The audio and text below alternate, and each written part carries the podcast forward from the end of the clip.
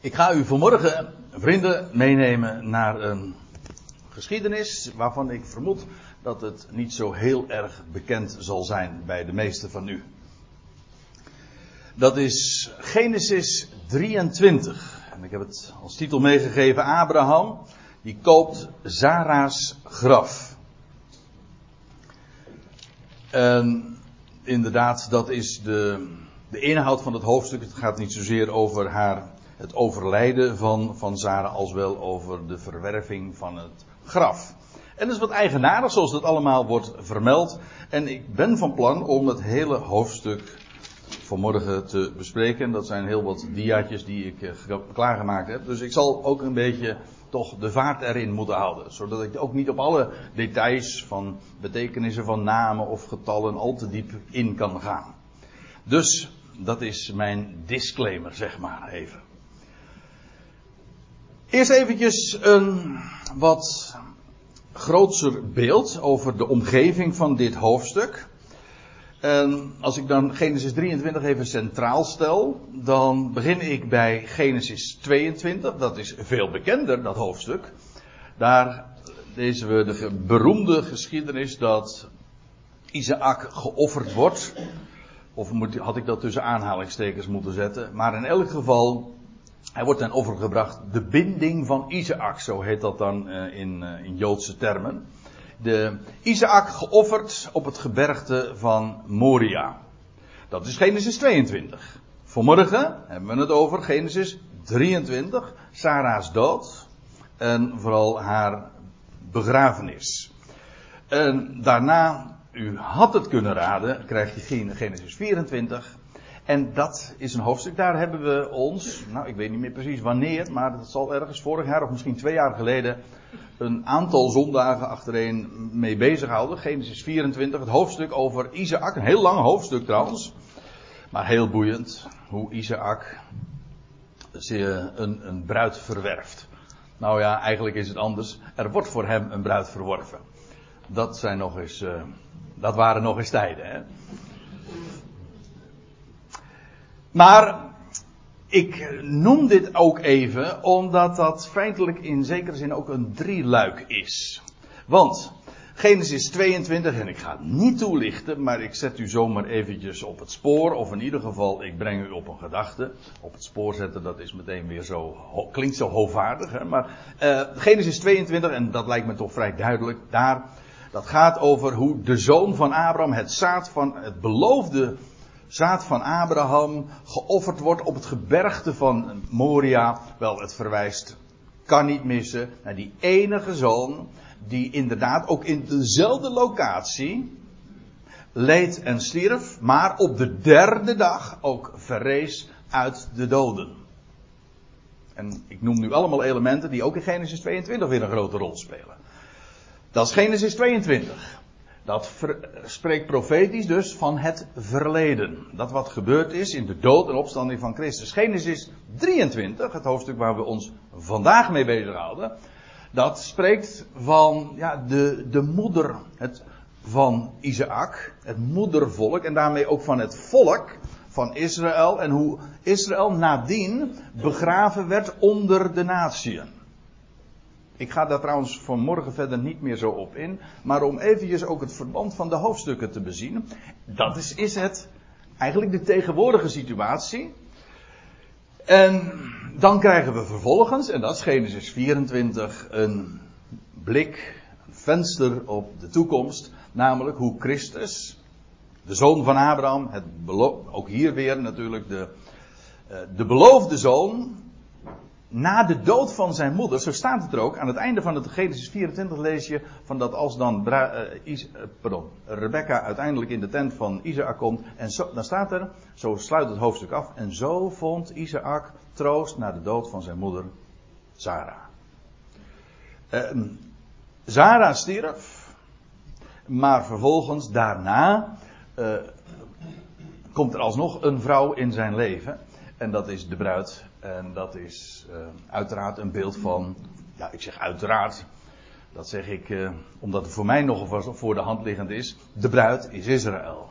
En hoe God uh, vanuit de volkeren inderdaad Israël weer terug zal brengen. En, of, en zal brengen in het land. En wel, eigenlijk spreekt het dus van het toekomstige huwelijk. Die derde dag ook weer. Dat huwelijksverbond tussen de zoon van Abraham en, en het volk van Israël. Dat is de toekomst.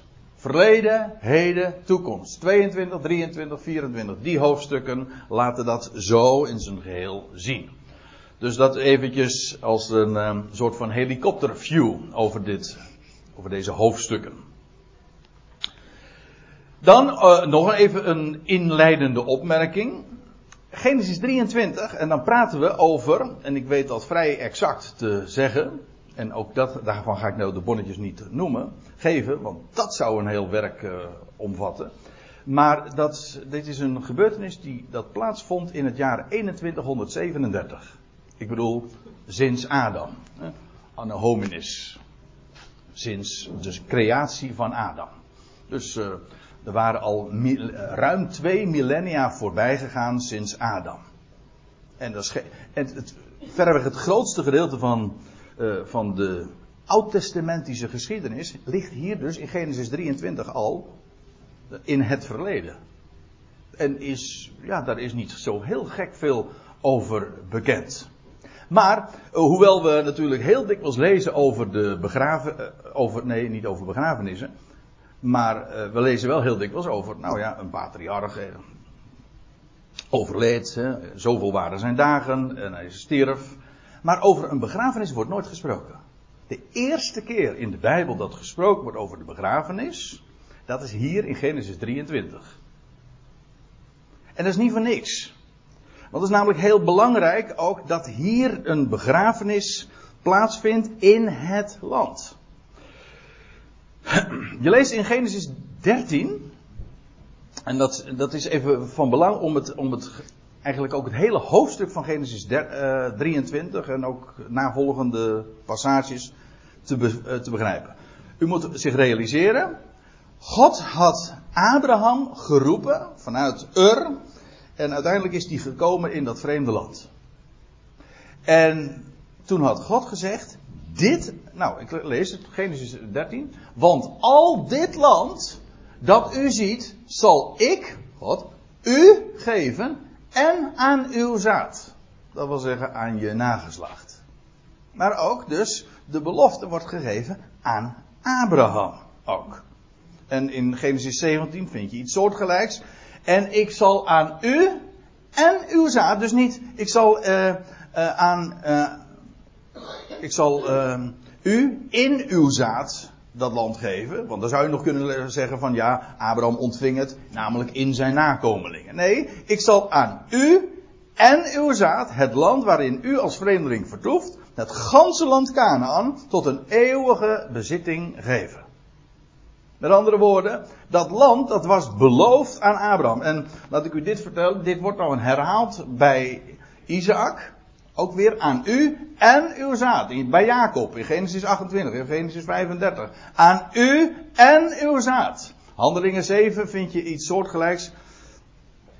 Ik zeg dit eventjes dus om aan te geven van dat het maar niet zomaar een, een, enkele tekst is. Nee, dus juist het boek Genesis getuigt er iedere keer van. Met andere woorden, dat land dat aan Abraham beloofd was en vervolgens aan zijn nakomelingen, wordt iedere keer gezegd, jij zal dat bezitten ook. Nou. En met dat in gedachten gaan we naar Genesis 23. Want dan ga je ook begrijpen waarom er een heel hoofdstuk wordt gewijd aan, aan het verwerven van een graf. Want Abraham, laat ik u dit vertellen. Abraham heeft geen vierkante meter in het land ooit bezeten. Behalve een graf. Dat is toch wel opmerkelijk, die uitzondering. Hè? Hij, hij, hij had niets behalve, en dat is sinds dan de dood van Zara, een graf. Dat was wel zijn bezitting. Als een soort van uh, aanbetaling. Maar daarover nog meer. We gaan naar Genesis 23 en we, we, we, kijken zo door het, uh, het hele hoofdstuk heen. En dan staat er, en het leven van Sarah was 127 jaren. Dat is een respectabele leeftijd, maar in termen van Genesis en die dagen uh, valt dat op zich nog wel mee.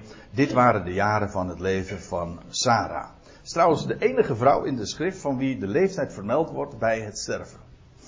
Dit eventjes als een, uh, ja, nou ja, een statistisch gegeven of zo. Dat vind je nergens dus uh, meer bij een andere dame.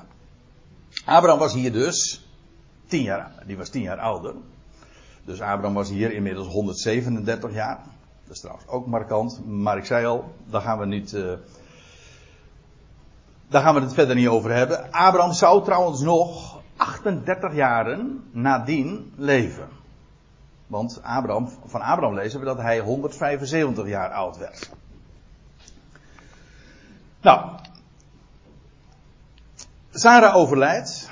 En op die leeftijd, en dan staat er in vers 2. En Sarah stierf te Kiryat Arba. Die naam wordt nog eens een keer genoemd. Maar hij is, de stad is veel bekender onder een andere naam. Dat is Hebron. Hebron. In het land Canaan. Dat is trouwens tegenwoordig nog steeds een, een grote stad nabij Nablus. En Hebron, die naam, dat is wel interessant. Daar zit uh, het Hebreeuwse Gawer in. Of ik zou het ook op zijn Amsterdams kunnen zeggen, Gabber. Dus je moet even de klinkers wegdenken. En dan, dan is het, want dat speelt in het Hebreeuws dan weer geen rol. En dan krijg je dus eigenlijk gabber, hou je gabber over. En gabber betekent inderdaad vriend. En dat is de naam, of nee, de, niet de naam, dat is de aanduiding. Uh, diverse keren en ik heb de, de teksten er maar even bij vermeld zonder daar naartoe te gaan. Dat is de aanduiding die we vinden van Abraham. Abraham was namelijk een vriend van God. Er staat niet dat God een vriend was van hem. Dat is net nog weer wat anders. Maar Abraham was een vriend van God. En dan lees je ook uh, dat er gezegd wordt van zou ik iets voor Abraham verbergen. Mijn vriend. God deelde dat met, met juist Abraham. Hij was een vriend. De stad heette Kiryat Arba. Zo groot zal dat allemaal trouwens toen de tijd nog niet geweest zijn hoor. Een stad is gewoon een, een nederzetting die ommuurd was. Omtuind. Omtuind. Eigenlijk een, ja, ommuurd dus. Maar, uh, ja, u moet zich realiseren, dat is een paar honderd jaar na de zondvloed. Het begon met acht zielen, dus ook al is dat uh, heel expansioneel gegroeid in die in die, in die eerste eeuwen, dat mag je aannemen, dan nog kan de wereldbevolking niet zo heel erg groot geweest zijn. Dan denk je eerder in termen van honderdduizenden dan van uh, miljoenen, lijkt mij zo. Maar goed. Hij, de stad heette, de, Kiryat Arba, maar sinds Abraham heette die Hebron. Vriend. Eigenlijk is het dus, herinnert het direct ook aan wie Abraham was. Daar heeft hij zich nogal eens een keer, weliswaar als vreemdeling, maar toch gevestigd. Hebron, de vriend. Het was in het land Canaan. Dat was de plaats waar Sarah haar ogen sloot. Uh, overigens, ja, de plaatje is niet al te helder zie ik, maar uh, goed, dit is dan de Dode Zee. En hier had je dus Sodom en Gomorra, waar uh, ooit Lot zich had gevestigd. Dat was toen geen dode zee, maar de meest. Pardon. De, de, mooiste locatie ongeveer van het hele land. Afijn, hier is het huidige Jeruzalem dan. En om u een indruk te geven, Beersheba hier. En Hebron ligt zo halverwege Jeruzalem en Beersheba. Hebron. Hier stierf dus Sarah. En hier zou zij trouwens ook worden begraven. Een plaatje trouwens dat ik u in het begin liet zien, dat was een plaatje, dat had ik nog even erbij moeten zeggen, uh, van uh, ja, de, de, wat je nu dus nog steeds daar in het land kan bezoeken, in Hebron. Dus is een, zowel voor de moslims als voor de joden als voor de christenen een, een, een pelgrimsplaats, omdat daar de aartsvaders begraven liggen. De plaats die toen gekocht is door Abraham, Genesis 23, wel, die is nog steeds te bezoeken. De, de grot van Machpela. Afijn, u hebt nu dus een indruk van waar het was. Dan lees je, en Abraham kwam om over Sarah, op die speciale locatie kennelijk, uh, over Sarah te rouwklagen en haar te bewenen. Naar ook gewoon het gebruik van die dagen. Dat, is, uh, dat was ook vaak uh, toch, zal ik het zo maar noemen, protocolair. ja, ik bedoel niet dat Abraham dat niet echt zo of uh, welgemeend zou hebben gedaan, maar dat, dat, dat bewenen en rouwklagen en de gebruiken die daarbij gehanteerd werden, ja, dat, dat, dat vind je iedere keer weer terug. In ieder geval, Abraham kwam om over Sarah te rouwklagen en haar te bewenen. Ik zei al, ik ga er wat snel doorheen. Daarna stond Abraham op. Want ja, een begrafenis, bij ons duurt dat zomaar een week. Maar u weet, in het Midden-Oosten gebeurt dat in principe gewoon de dag zelf nog van het overlijden. In zulke warme omstandigheden uh, kan dat gewoon niet uh, langer duren. Abraham moest dus gewoon in actie komen. Daarna stond Abraham op uh, van het aangezicht van zijn doden. Ik weet, dit is een wat letterlijke weergave, zo staat het er. Het van het aangezicht van zijn doden. Let maar op, we gaan het nu nog heel wat keren tegenkomen, die uitdrukking, zijn doden of iets dergelijks. Zijn doden, doden, dat klinkt wat, niet zijn overleden vrouw, nee, zijn doden. Ze was dood. En dat er dan toch zoveel werk in, gemaakt wordt van de begrafenis, dat heeft een hele specifieke reden. Omdat zij geen dode zal blijven, maar Abraham geloofde in opstanding. En vandaar dat een graf een heel belangrijk monument feitelijk is van zijn geloof in de belofte van God. God heeft het, het land beloofd aan mij en Sarah en na nageslagen. Hij zal dat ook geven. Zij moet hier begraven worden. Hier, in dit land. En dat, dat, dat stuk land, dat moet van mij worden. Ik hoef niets te hebben, want dat, ik krijg het allemaal. Maar dat graf, is een monument van Gods belofte. Hier, dit land, dat wordt het land waar zij begraven gaat worden. Afijn, daarna stond Abraham op van het aangezicht van zijn, dood, zijn doden. Dat klinkt dan wel weer heel intiem. Zijn doden. En hij sprak tot de zonen van Get. Het. Nee, eigenlijk uh, Get in het Hebreeuws. De acht heeft dat alles te maken. De Get is ook een letter in het Hebreeuws. Namelijk de achtste letter. Hou hem even vast, want misschien dat ik er straks nog even op terugkom. Hij sprak tot de zonen van Get, zeggende: Ik ben een vreemdeling en een gast bij jullie. Moet zich realiseren, Abraham was een steenrijk man. Vele bezittingen. En een man met een enorm aanzien. Maar Abraham heeft nooit uh, pogingen gedaan om het land de zijne, het zijne te maken. waarom zou die? Hij gaf er, ja, het klinkt een beetje raar. Hij gaf daar geen stuiver voor. Ik krijg het gewoon. Hij en daarmee demonstreerde hij ook het geloof in Gods belofte. En Abraham heeft het land niet bezeten. Hij heeft ook nooit pogingen gedaan om het land naar zijn hand te zetten. Hij had kunnen doen. Hij was rijk zat. Ik denk zo, ik weet niet of ik dit waar kan maken, maar hij had het land zo kunnen kopen. Rijk zat. Maar dat heeft hij niet gedaan. En Abraham heeft ook nooit uh, ja, iets met het bestuur van het land te maken gehad. Hij was altijd een vreemdeling en een gast. Zo zegt hij dat. Ik ben een vreemdeling en gast bij jullie. Er was een opmerkelijk verschil met Lot, zijn neef. Van, van hem lees je in Genesis 19 dat hij was gaan zitten. Hij had sowieso al toen gekozen voor dat mooie land van Sodom. En ja, dan weet je meteen eh, dat het niet zo intelligent was. Hè? Hij had, uh, hij had gekozen voor de stad uh, Sodom. En vervolgens, hij is daar gaan wonen. Maar hij, hij, hij, hij bezat daar ook een, een invloedrijke positie. Want je leest, hij was gezeten in de poorten van Sodom. En dat was de plaats waar ja, de macht werd uitgeoefend. De ins en outs werden daar geregeld. Dat is een poort eigenlijk wat, wat een poort is, toch? Maar dat was Abraham niet. Abraham heeft zich altijd als een vreemdeling en als een bijwoner, als een gast opgesteld.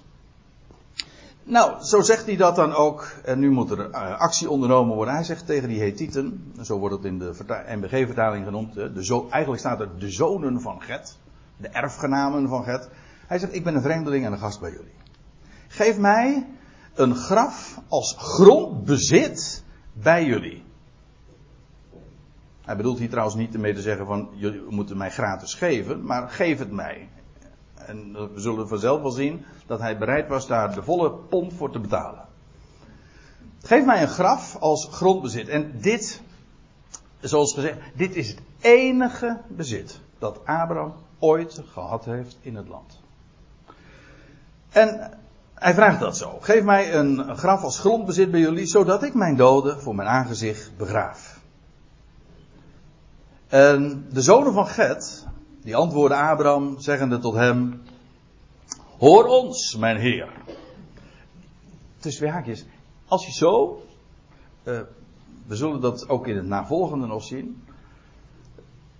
Als je zo het hoofdstuk doorleest, dan kom je ook, uh, ook veel aan de weet over de gebruiken, over de, ja, over de type communicatie zoals dat in die dagen gewoon was. Eigenlijk, we hebben hier te maken met we hebben dat er ooit wel eens een keertje daar ook uh, bijbelstudies uh, op, bij deze gelegenheid erover gehad. Dat, dat het boek Genesis feitelijk memoires zijn van de, van de aartsvaders. Ze hebben allemaal zo hun aandeel geleverd. Ook Abraham heeft zijn, zijn hoofdstukken geschreven. Zodat dit gewoon, uh, ja, hoe zeg je dat, vers van de pers is. Dit was gewoon van Abraham zelf. Op, door Abraham en later ook door Isaac. En al die aartsvaders hebben zo hun bijdrage gegeven. En later heeft Mozes het uh, bij elkaar gebracht. Dus door, als redacteur. Maar dit is, dit is ooggetuigenverslag. Van, van de aartsvaders. En we komen veel aan de weet aan de manier waarop gesproken wordt. En je herkent de manier waarop men spreekt, maar ook een transactie sluit. Dat gaat soms ook heel omzichtig en met uh, grootspraak. Nog steeds uh, het gebruik, nu nog in het Midden-Oosten, hoe dat er aan toe gaat. Wat dat betreft kunnen gewoontes heel hardnekkig zijn. Enfin, hoor ons mijn Heer, u bent een vorst van God in ons midden. Abraham was dan weliswaar een, ehm, een vreemdeling en een gast. Maar die man die had zo'n reputatie. Daar. Ja, niet alleen maar ontzagwekkend omdat hij steenrijk was. Maar hij zegt, u bent, u bent als een vorst van God in ons midden. Hij heeft zich inderdaad heel vorstelijk um, opgesteld. Ik kan me zo voorstellen, je leest ergens, ergens in deze hoofdstukken ook, dat Abraham, neem me niet kwalijk hoor, ja, nou heb ik al gehoest. Uh. het is altijd een beetje mosterd naar de maaltijd. Het ligt aan mij, niet aan jou hoor.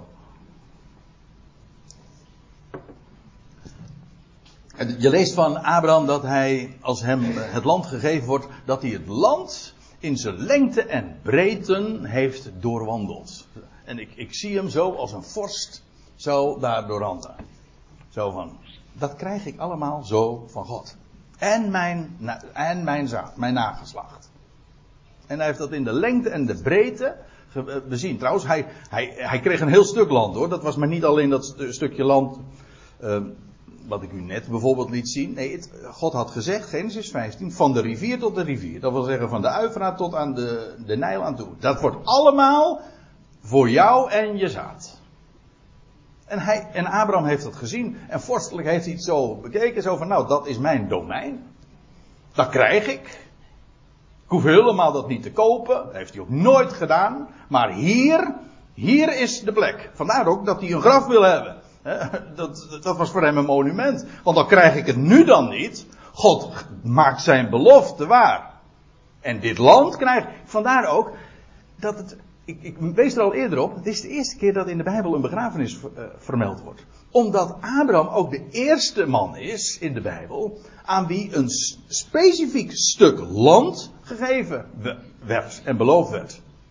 Al die andere, Noach, noem ze maar op, Zet en Adam, ja, aan hen was niet een specifiek stuk land uh, beloofd. Dus de locatie waar ze begraven zouden worden, dat speelde feitelijk geen rol. Voor Abraham wel. Voor Abraham was het heel belangrijk. Dit is het land. En dit land, daar moet ik begraven worden. En dat speelt een hele grote rol. Iedere keer komt dat weer terug. Maar die man, die was, dat was een vorst. Hij was een, Je leest in, uh, in Romeinen 4 dat Paulus zegt van hij was een, een, een erfgenaam van de wereld. Mooi hoor. Als je zo met, met de belofte van God op zak leeft. Ik bedoel, hij zag heel. Dat is mooi hè. Denk er eens aan. Want dat is denk ik heel leerzaam voor ons. Hij zag helemaal niks. Dit heeft ook niks met gevoel te maken. Ik zou niet weten wat de link daarmee is. Als je erop gaat staan, ja, dan, kun je, dan, dan, dan kun je die vorstelijke houding ook permitteren. God heeft gesproken. En hij houdt zich aan zijn woord. En dit land, dat wordt voor mij. En dat maakt wel erg blij, dat wel. Dus in die zin heeft het wel weer met alles met gevoel te maken. Maar realiseer je waar je begint. Hè? Het heeft te maken met feiten. Met wat hij gesproken heeft. Dat is geloof. Abraham leefde in geloof. Niet in aanschouwen, niet in gevoel, maar in het amen zeggen op wat God gesproken heeft. En soms voel je dat wel en soms voel je dat niet, maar woord staat. Ongeacht. Wat dan ook. Hoor ons, zeggen zij, die, die zonen van het, eh, met wie nu de, de deal gesloten moet gaan worden. Hoor ons, mijn Heer, u bent een vorst van God in ons midden. Begraaf uw dood in de eerste keus van onze graven. Niemand van ons zal zijn graf aan u weigeren om uw doden te begraven. Ja, maar feitelijk was dit een verkapte weigering. Want wat ze eigenlijk zeggen van nou, ga je gang uh, Abraham. Sarah, je vrouw is overleden en je wil haar begraven, prima. Je, je mag haar zo hier begraven. Maar dat is niet wat Abraham gevraagd had. of Abraham die wilde, iets als grondbezit hebben. Hij wilde een graf gewoon in het land hebben. Als een enige bezit. En nu wordt het, het tegenvoorstel gedaan. Je mag Sarah begraven op de beste locatie die je maar, die je maar uh, eigenlijk voor ogen hebt of die je maar wenst. Ga je gang. Niemand van ons zal zijn graf aan u weigeren. Jawel, om uw doden te begraven. Ze, ze, stellen zich dus zeer welwillend op, maar ze doen niet wat Abraham vraagt. En dat blijkt dan ook, en dan vervolgens staat in vers 7, toen stond Abraham op. Je kunt je zo voorstellen, hè, in, uh, in, in, dat gezelschap, hoe groot dat geweest is, weet ik niet. Maar in ieder geval, daar vindt zo'n gesprek uh, plaats. Abraham staat op en hij boog zich in alle respect voor hen neer, voor het volk van het land. Voor de zonen van Get die kennelijk uh, daar de dienst uitmaakte. En, en Abraham toont zich hier trouwens ook weer zo'n vreemdeling. Hoewel die man zelf steenrijk was, hij heeft zich gewoon onderschikt aan de, aan, ja, aan de bestaande machten, aan, aan degene die daar de dienst uit, uh, uitmaakte. En hij boog zich neer. En dan staat er, en hij sprak met hen, zeggende, Indien het met jullie ziel is, ja, ik heb het even onvertaald min of meer gelaten. Of in ieder geval, zo staat het letterlijk vanuit het Hebreeuws, woord voor woord. Maar in de MBG staat dan, indien het uw wil is, als jullie eh, met, je, met je hele ziel als het ware daar, daarmee akkoord gaan. Zo, dat is de gedachte, zoals wij dat dan ook zeggen, met, met hart en ziel. Als, indien het met jullie ziel is, dat ik mijn doden, hier weer, mijn doden begraaf, van voor mijn aangezicht, zo hoort mij. En doe voorspraak voor mij bij Efron, de zoon van Zohar. Waarom? Waarom wordt die naam nou genoemd? Wel, omdat hij namelijk precies dat stuk land had, wat Abraham op het oog had. Abraham wilde niet zomaar wat, hij had Um, hij wilde een specifiek stuk land dat aan Efron toekwam. De zoon van Sohar. Ik zei al, de namen en de betekenis ervan laten we helemaal gewoon eventjes uh, rusten. Gewoon om de verhaallijn te volgen. Uh, kennelijk, het is omstreden, want andere uitleggers die spreken dat weer tegen. Maar ik krijg de indruk dat Efron hier zelf niet bij is. Want waarom zou die anders, waarom zou er anders uh, uh, voorspraak voor hem moeten worden gedaan. Maar in ieder geval, hij zegt: Doe voorspraak voor mij bij Evron, zoon van Zoar, dat hij mij, dat hij mij aan mij, oh, dat is niet correct, dat hij aan mij geeft de grot van Machpela. Machpela betekent trouwens dat woord dubbel. En daar zit, daar zit ook iedere keer weer opnieuw. Ik attendeer er alleen maar even op. Iedere keer in dat Machpela iets dubbels. Dat heeft de dood sowieso al in zich, voor ons. Hè. De dood is heel dubbel. Het is een vijand en tegelijkertijd, het is juist uh, de basis voor opstanding. Want zonder dood geen opstanding. Trouwens, Sarah werd nu begraven, maar vervolgens zou Abraham hier ook begraven worden. 38 jaar later. Door Ismaël. Die 137 trouwens werd. Maar. Dat hij aan mij geeft de grot van, de grot van Machpela, of ja, de spelonk, die aan hem is, die in het einde van zijn veld is. Dat wil zeggen, kennelijk was, eh, lag het net op de grens van zijn gebied, hè, dat wat hij bezat. Dat hij die mij, uh, dat hij die, dat wil zeggen dat stuk land, voor het volle zilver geeft. Het volle, gij, voor het volle geld, het volle, ja, vol in zilver, de volle prijs. Ja, wij spreken over geld, maar geld komt eigenlijk weer van het, van een woord, komt van gold omdat bij ons van origine goud het betaalmiddel is. In de Bijbel is dat zilver. Kesef. Dat is het woord. Nou, dat is trouwens hier weer een ander woord. Nee, toch niet. Uh, kesef, dat is zilver, maar dat is dus een betaalmiddel. Zilverlingen, zilverstukken. Zilver is een aanduiding feitelijk ook van de prijs. Goud heeft altijd te maken met, met, met heerlijkheid en zilver met de prijs die betaald wordt. Wat Abraham hier zegt is uh, dat hij wil dat die grot van Machpela, dat in bezit van Evron is, en hij zegt dat hij die mij voor het volle zilver geeft. Dat wil zeggen, hij wil de volle map daarvoor uh, neertellen. Tot een graf als grondbezit. Dus ik wil maar niet zomaar dat mijn Sarah daar begraven wordt. Zelfs niet in de op de beste plek. Ik wil een stuk land van jullie kopen voor de volle prijs. Dat is wat hij zegt. En Everon zat in het midden van de zonen van Get. Ja, dat, nou, dat is nou precies een beetje het probleem van het uh, reconstrueren van de situatie. Want nu kun je je afvragen van hoe kan dat nou? Uh, hij vraagt, uh, doe voorspraak bij Everon en nou zit, nou, nou zit hij daar. De NBG-vertaling heeft het zo opgelost. Die zegt van ja, dat betekent gewoon, hij was een gezeten man daar. Dus niet zozeer dat hij in dat gezelschap toen zat. Maar hij was een gezeten man. Hij had een, een man. Het was een man van positie die daar toen zelf niet bij was. Ik weet niet. Het lijkt mij inderdaad wat de NBG hier, eh, zoals die dat leest, het meest voor de hand liggend. Maar ik ga er geen ruzie over maken, ik noem het zomaar even. Dat doen we sowieso natuurlijk niet, hè. Everon zat daar, eh, zat in het midden van de zonen van, van. Of was gezeten in. Een gezeten man. En het kan trouwens ook nog zijn, zit ik, maar dat bedenk ik nu ineens ter plekke, dat dit uh, net weer bij een latere gelegenheid was, een latere ontmoeting die dag. Dat zou ook nog kunnen. Afijn, we laten dat in het midden, doet ook niet zoveel de zaken. En Evron, de Getiet, aha, hier wordt hij dus, uh, hij was van de Get.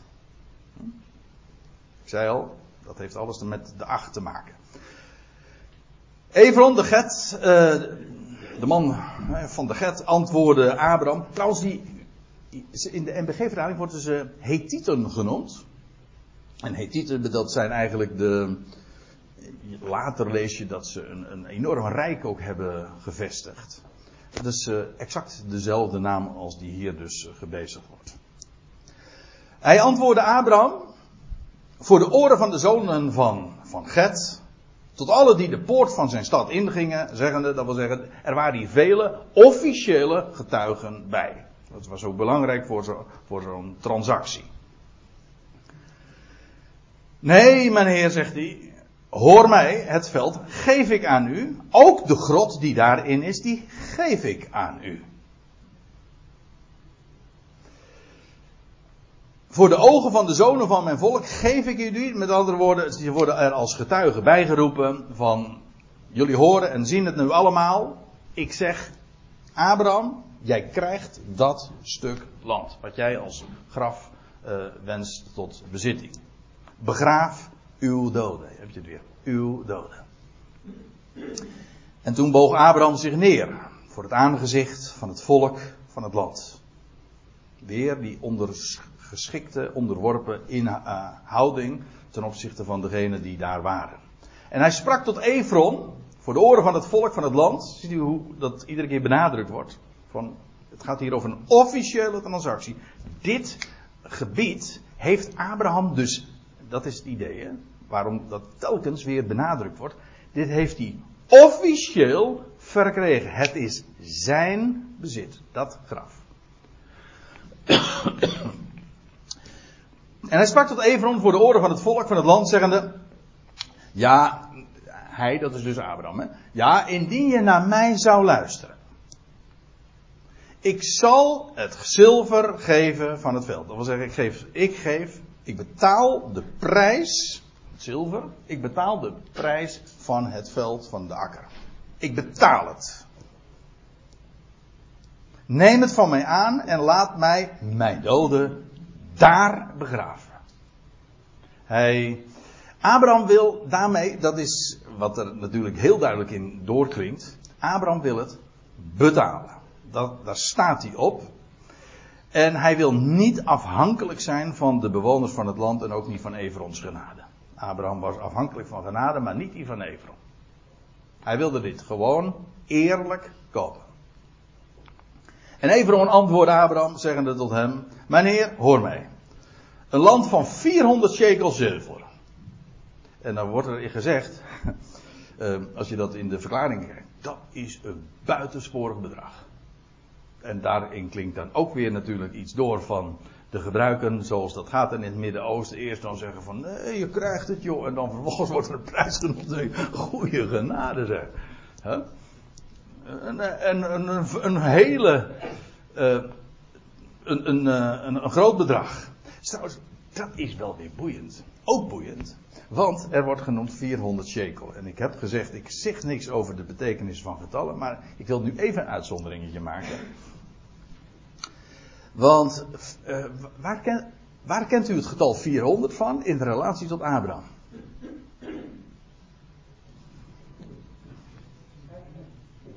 Pardon? Ik versta je niet. Nee, dat. Uh, ja, was ook 400 man. Ja. Of 300. Nee, vier, nee, was ook 400 man. Ja.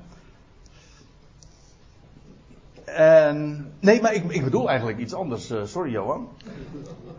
Ik bedoel uh, dat wat er gezegd wordt in Genesis 15. Als God de belofte geeft, eenzijdige belofte, dan lees je dat zijn nageslacht 400 jaar in verdrukking zouden zijn. En na die 400 jaar, staat er, zou het land, uh, zou het volk uit, uittrekken uit het, land van verdrukking, de Egypte dus.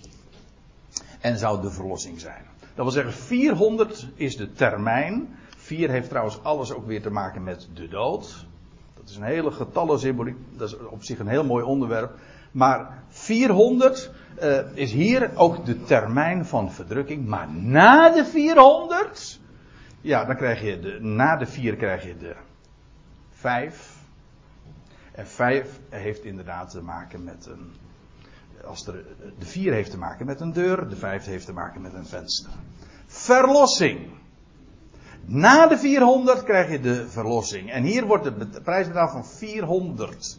Uh, 400 shekel. En toen wees iemand mij erop dat shekel, wat nu nog steeds natuurlijk een, Hebreeuws sikkels, hè, in het Hebreeuws, als je eerst al komt, dan is dat het betaalmiddel, shekel. Maar uh, toen wees iemand mij erop dat, vier, uh, dat het woord shekel, dat is shin, kuf, lamet, dat zijn Hebreeuwse letters, dat is 300, 130, dat is dus 430. Maar dat is ook het, Want als u zegt van de Exodus vond plaats na hoeveel jaar, dan zullen de meesten zeggen dat waren 430 jaar. Dat klopt. Alleen dat was dan vanaf dat God de belofte deed aan Abraham. En vanaf de geboorte van Isaac gerekend was het 400 jaar. Dus vandaar dat zowel 400 jaar het getal is, maar ook 430 jaar. Dat hangt er vanaf, vanaf wanneer je rekent. Maar in ieder geval daarna de verlossing. Nou. Hoor mij, zegt uh, Evron. Een land van 400 shekels zilver. Wat maakt het uit tussen mij en u? Met andere eh, die Evron, dat was ook een vermogende man. En, hij, en Abraham al niet minder. Dus eh, wat, wat is dat nou? Eh, waar hebben we het over? Hm? wat maakt het dus uit tussen mij en u? Begraaf uw doden. En Abraham luisterde naar Evron. En Abraham woog Evron het zilver af. Dat wil zeggen, u weet het hè betaal, uh, dat is ook waar een, een, weegschaal altijd voor diende van oudsher. Dat was ook een, feitelijk een methode om iets te betalen. Geld wordt gewogen. Zilver of goud wordt gewogen en zo wordt de prijs betaald. Abraham luisterde naar Evron. Abraham woog Evron het zilver waarvan hij gesproken had voor de oren van de zonen van Get. 400 shekel zilver. Gangbaar voor de koopman. Dus uh, Evron heeft inderdaad uh, de volle prijs inderdaad daadwerkelijk genoemd. En Abraham, zonder enig protest, heeft inderdaad de volle prijs daarvoor betaald. En alzo lees je dan. En alzo werd het veld van Evron, die in Machpelah was, in het zicht van Mamre. Ik lees even verder. Alzo werd het veld van Evron, die in Machpelah was, in het zicht van Mamre, het veld en de grot die daarin was, en al het geboomte die op het veld stonden, dat rondom in zijn gehele terrein was gevestigd. Hè. Uh, nou wacht, dan lees je, en zo kwam dat toe aan Abraham. Maar even dit. Iedere keer als dat genoemd wordt van Machpelah, die grot waar Sarah in dit geval begraven zou worden. Het was in het zicht van Mamre. Maar wat was er in Mamre dan? Precies. We gaan, ik, ik, ben niet compleet, dat, want Mamre wordt veel meer nog genoemd. Maar ik wil een paar uh, markante plaatsen noemen. Genesis 13. Praten we over het begin van Abrahams geschiedenis. Dan lees je in vers 18. Daarna sloeg Abraham zijn tenten op en hij ging wonen bij de eiken van Mamre, bij Gebron, bij Hebron. En hij bouwde daar een altaar voor Yahweh. Maar het was bij de eiken, in de NBG-vertaling staat bij de terebinten. Maar dat waren gewoon eiken. In de Statenvertaling staat trouwens ook eikenbossen. De NBG-vertaling is een moderne vertaling die vertaalt dan terebinten. Nou goed. Om het te begrijpelijker te maken. Maar goed, de eiken. Ja, we hebben daar bij een andere gelegenheid ook wel eens bij stilgestaan. Maar u, u moet het weten. Waarom gingen die aartsvaders iedere keer wonen bij een eik? Of bij eiken? God had een eed gezworen. Dat is het idee. Het woord voor eed, dat moet je weten. Het woord voor eed, dat wat je zweert, is hetzelfde woord als het woord voor eik. Een eik, ja, een eik is sowieso al zo'n monumentale boom. Hè? Een eik, hoe, lees je dat in Jezaja? De eikenbomen der gerechtigheid. Dat zijn echt van die bomen, nou, daar, uh, ik zou haar zeggen, vraag het maar aan Bonifatius was het toch? Of Willebrod. Wie was het nou? Willebrod die die eik uh, omhakte. Dat was Bonifatius. Gelukkig dat er uh, ja, u bent wat ouder. Uh, u weet dat natuurlijk nog, hè?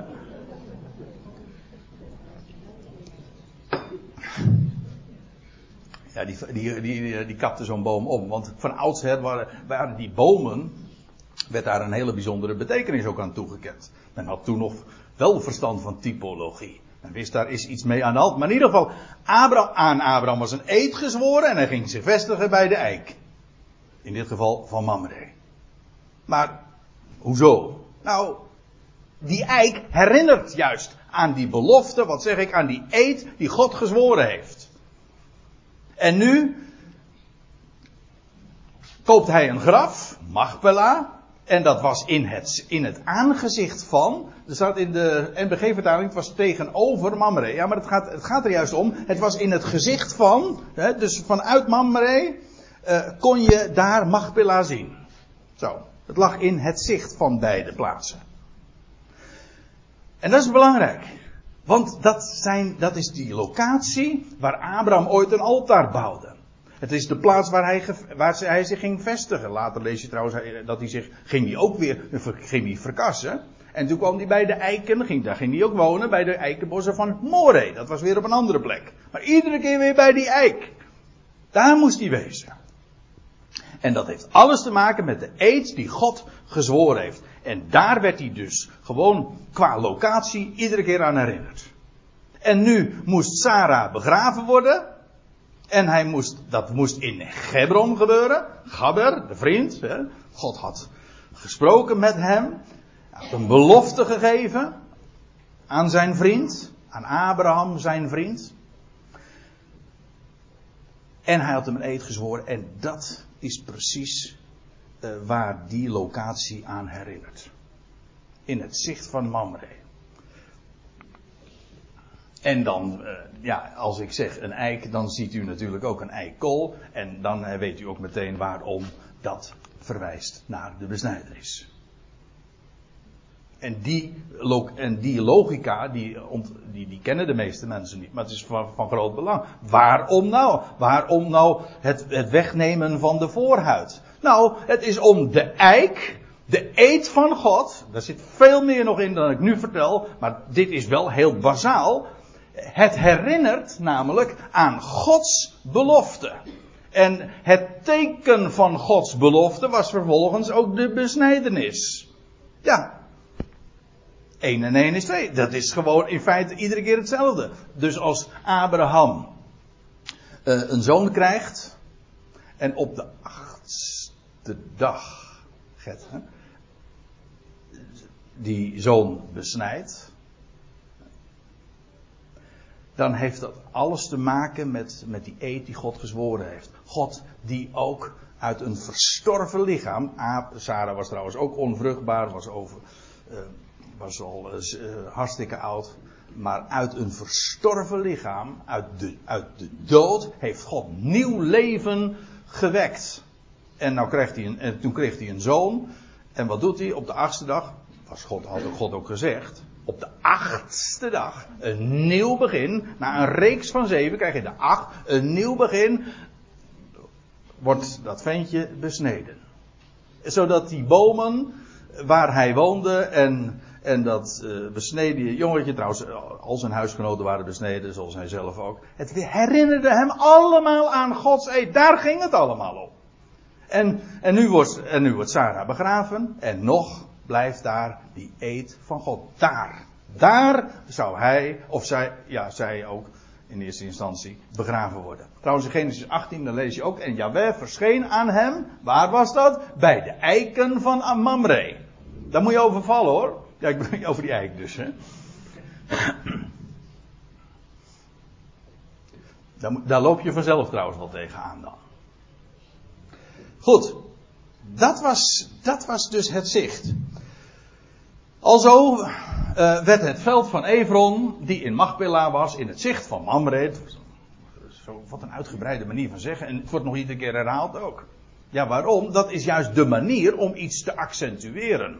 Wij zetten er een streep onder. In het Hebreeuws wordt daar wordt iets gewoon herhaald.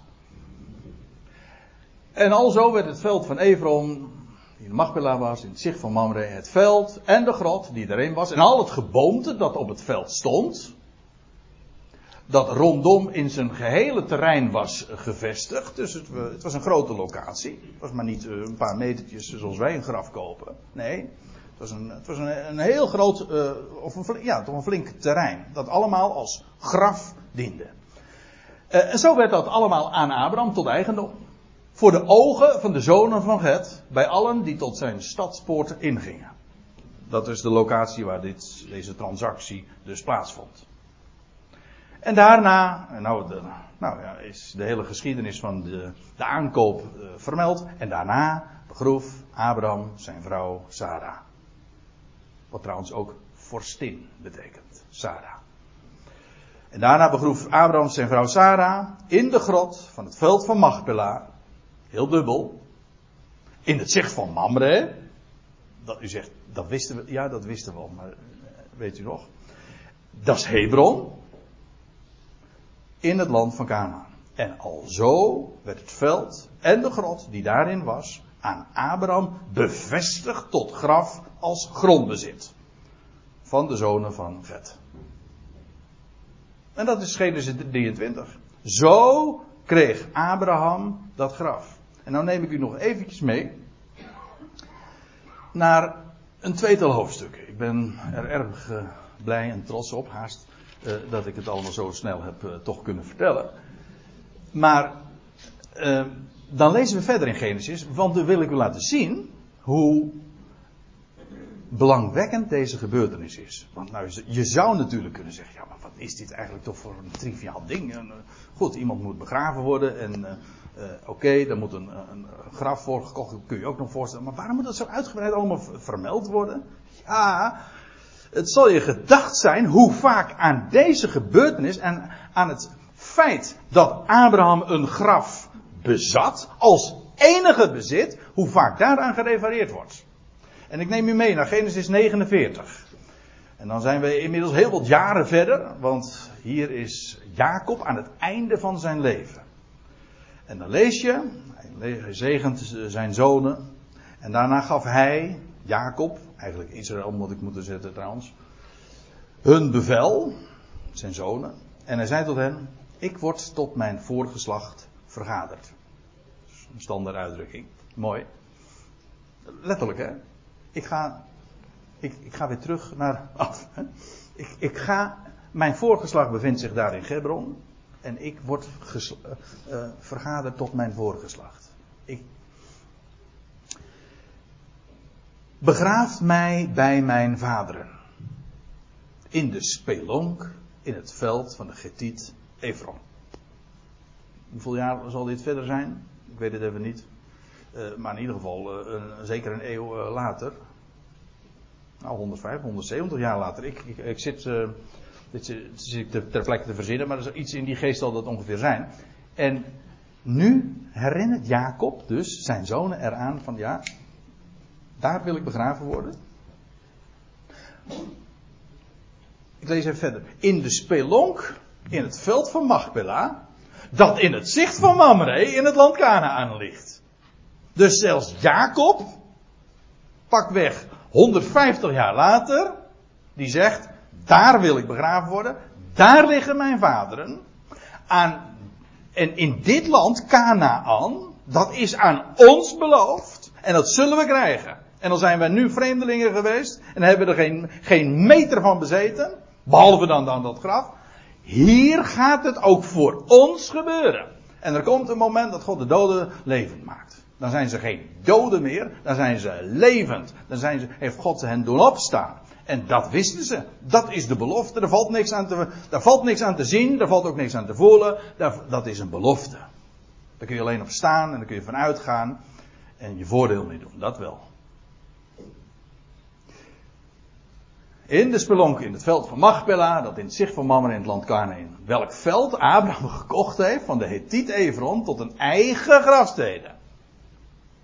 Daar heeft men Abraham en zijn vrouw Zara begraven. In omgekeerde volgorde natuurlijk. Ja. Ja, dat is nogal logisch, ja. Daar heeft men Isaac en zijn vrouw Rebecca ook begraven. En daar heb ik, zegt Jacob, Lea begraven. Kortom, ze lagen al die patriarchen en matriarchen moet je dan zeggen? Eh, de aartsmoeders, ze liggen daar begraven. Met uitzondering overigens van Rachel. Want die lag begraven. Juist. Die werd begraven in Bethlehem. in de velden van Efrata. Nou ja. Ja. Nou, zegt Jacob, het veld met de spilonk, met de daarin is gekocht van de Hethieten. Met andere woorden, dat is eigendom. De graf is een monument. Dat is het enige wat we bezitten. Maar zo belangrijk. Want God begint waar wij eindigen. Ik bedoel, een graf. Dat is ons einde, maar het begint God. Want hij roept de doden alsof zij levend waren. Het niet zijnde roept hij tot aanzijn en de doden wekt hij tot leven. Natuurlijk volkomen buiten de menselijke vermogens, kan helemaal niet natuurlijk, maar we hebben het nu over de levende God die levend maakt. En die heerst over de dood en over graf. Kijk, dat zijn perspectieven. Dat is echt vorstelijk hoor. Als je zo in het, in het leven mag staan, maar als je ook zo mag sterven. En nou neem ik u tenslotte nog even mee naar Genesis 50. Dit was Jacob. En nog weer een stuk later, dan lees je, en dit zijn de laatste versen van het boek Genesis. En dat laat ik, daarmee demonstreer ik ook hoe belangrijk Genesis 23 is. Dat de aankoop van dat graf. Want nou gaat Jozef uh, sterven, en dan lees je dit in vers 24. En Jozef zei tot zijn broeders, ik ga sterven. En God zal zeker naar u, naar jullie omzien. En u uit dit land, inmiddels waren ze dus in Egypte, u uit dit land voeren naar het land dat hij Abraham, Isaac en Jacob onder ede beloofd heeft. Die eik. En Jozef deed de zonen van Israël, de twaalf zonen, ja, uh, zweren, God zal zeker naar u omzien. En dan zult u mijn gebeente van hier meevoeren. Dus hij geeft bevel aangaande zijn gebeente. En later lees je in de Hebreeënbrief, in Hebreeën 11, dat heet hij door geloof. God had namelijk beloofd. En wat is geloof? Dat is amen zeggen op wat God gesproken heeft. En, God, en Jozef geeft hier aan het einde van zijn leven bevel aangaande zijn gemeente. Wat moet je daar nou nog mee als je doodgaat? Maar God heeft zijn belofte daaraan verbonden. En dan lees je, en Jozef stierf, 110 jaar oud, en men balsemde hem, en hij werd in een kist. Hetzelfde woord wat hier gebruikt wordt trouwens als uh, voor uh, de ark, die later in het heiligdom geplaatst werd. Ook een kist. En hij werd in een kist gelegd in Egypte. Dit is het laatste vers van Genesis. Wat gebeurt er? Abraham, of uh, Jozef sterft. En hij wordt gebalsemd. Ja, waarom wordt hij gebalsemd? Omdat hij zegt. Tegen de tijd dat God jullie weer gaat brengen uit het land. Hoe wist hij dat? Nou, God had beloofd. Hij had zelfs nog het jaar nauwkeurig daarvan al voorzegd. Wanneer het zou gebeuren. En als Israël dan TZT inderdaad uittrekt met de Exodus, lees het maar na in Exodus 12, vers 30 geloof ik. Daar staat erbij, en het was op de dag nauwkeurig 430 jaar. 30 en 400 jaar. God had de belofte. En dan lees je, ze namen het gebeente van Jozef mee. Vandaar dat het gebalsemd moest worden. Zodat het lichaam gewoon houdbaar eh, bleef. Gebalsemd. Zodat het meegevoerd kon worden. En vervolgens is het inderdaad eh, later begraven daar in Gebron. In, bij, uh, ja, bij zijn vaderen. Ziet u hoe grote rol die, dat, dat graf, de aankoop van dat graf speelt. En het heeft allemaal, en ik hoop dat ik u dat in ieder geval in, uh, in dit uurtje duidelijk kunnen maken. Hoe belangrijk dat is. Het spreekt namelijk allemaal van Gods belofte. De levende God die triomfeert over de dood. En Abraham wist, en daarom vind ik het zo mooi dat, dat al die aartsvaderen, Abraham, Isaac en Jacob, dat stuk land kregen en daar moesten ze begraven worden. En monumentaal wordt dat bevestigd in de aankoop van dat graf. Vandaar die grote rol die Genesis 23 daarin speelt. En ik denk, nou, wij leven inmiddels, pak weg een kleine 4000 jaar na Abraham. 3900 jaar ongeveer eh, na het overlijden van Sarah. En wij nu. De waarheid is nog exact dezelfde. Oké, ons is geen stuk land daar in, in het Midden-Oosten beloofd, dat is waar. Dus de locatie van de begrafenis speelt voor ons geen rol, zoals voor Abraham en Isaac en Jacob. Dat is waar. Maar God is de levende God. We kunnen le wij leven hier in geloof. En de dood heeft niet het laatste woord. En daarom hebben wij hoop, hebben we vertrouwen en hebben we, kunnen we leven met een opgeheven hoofd, ziende op de toekomst. Ik stel voor dat we daar een lied over gaan zingen.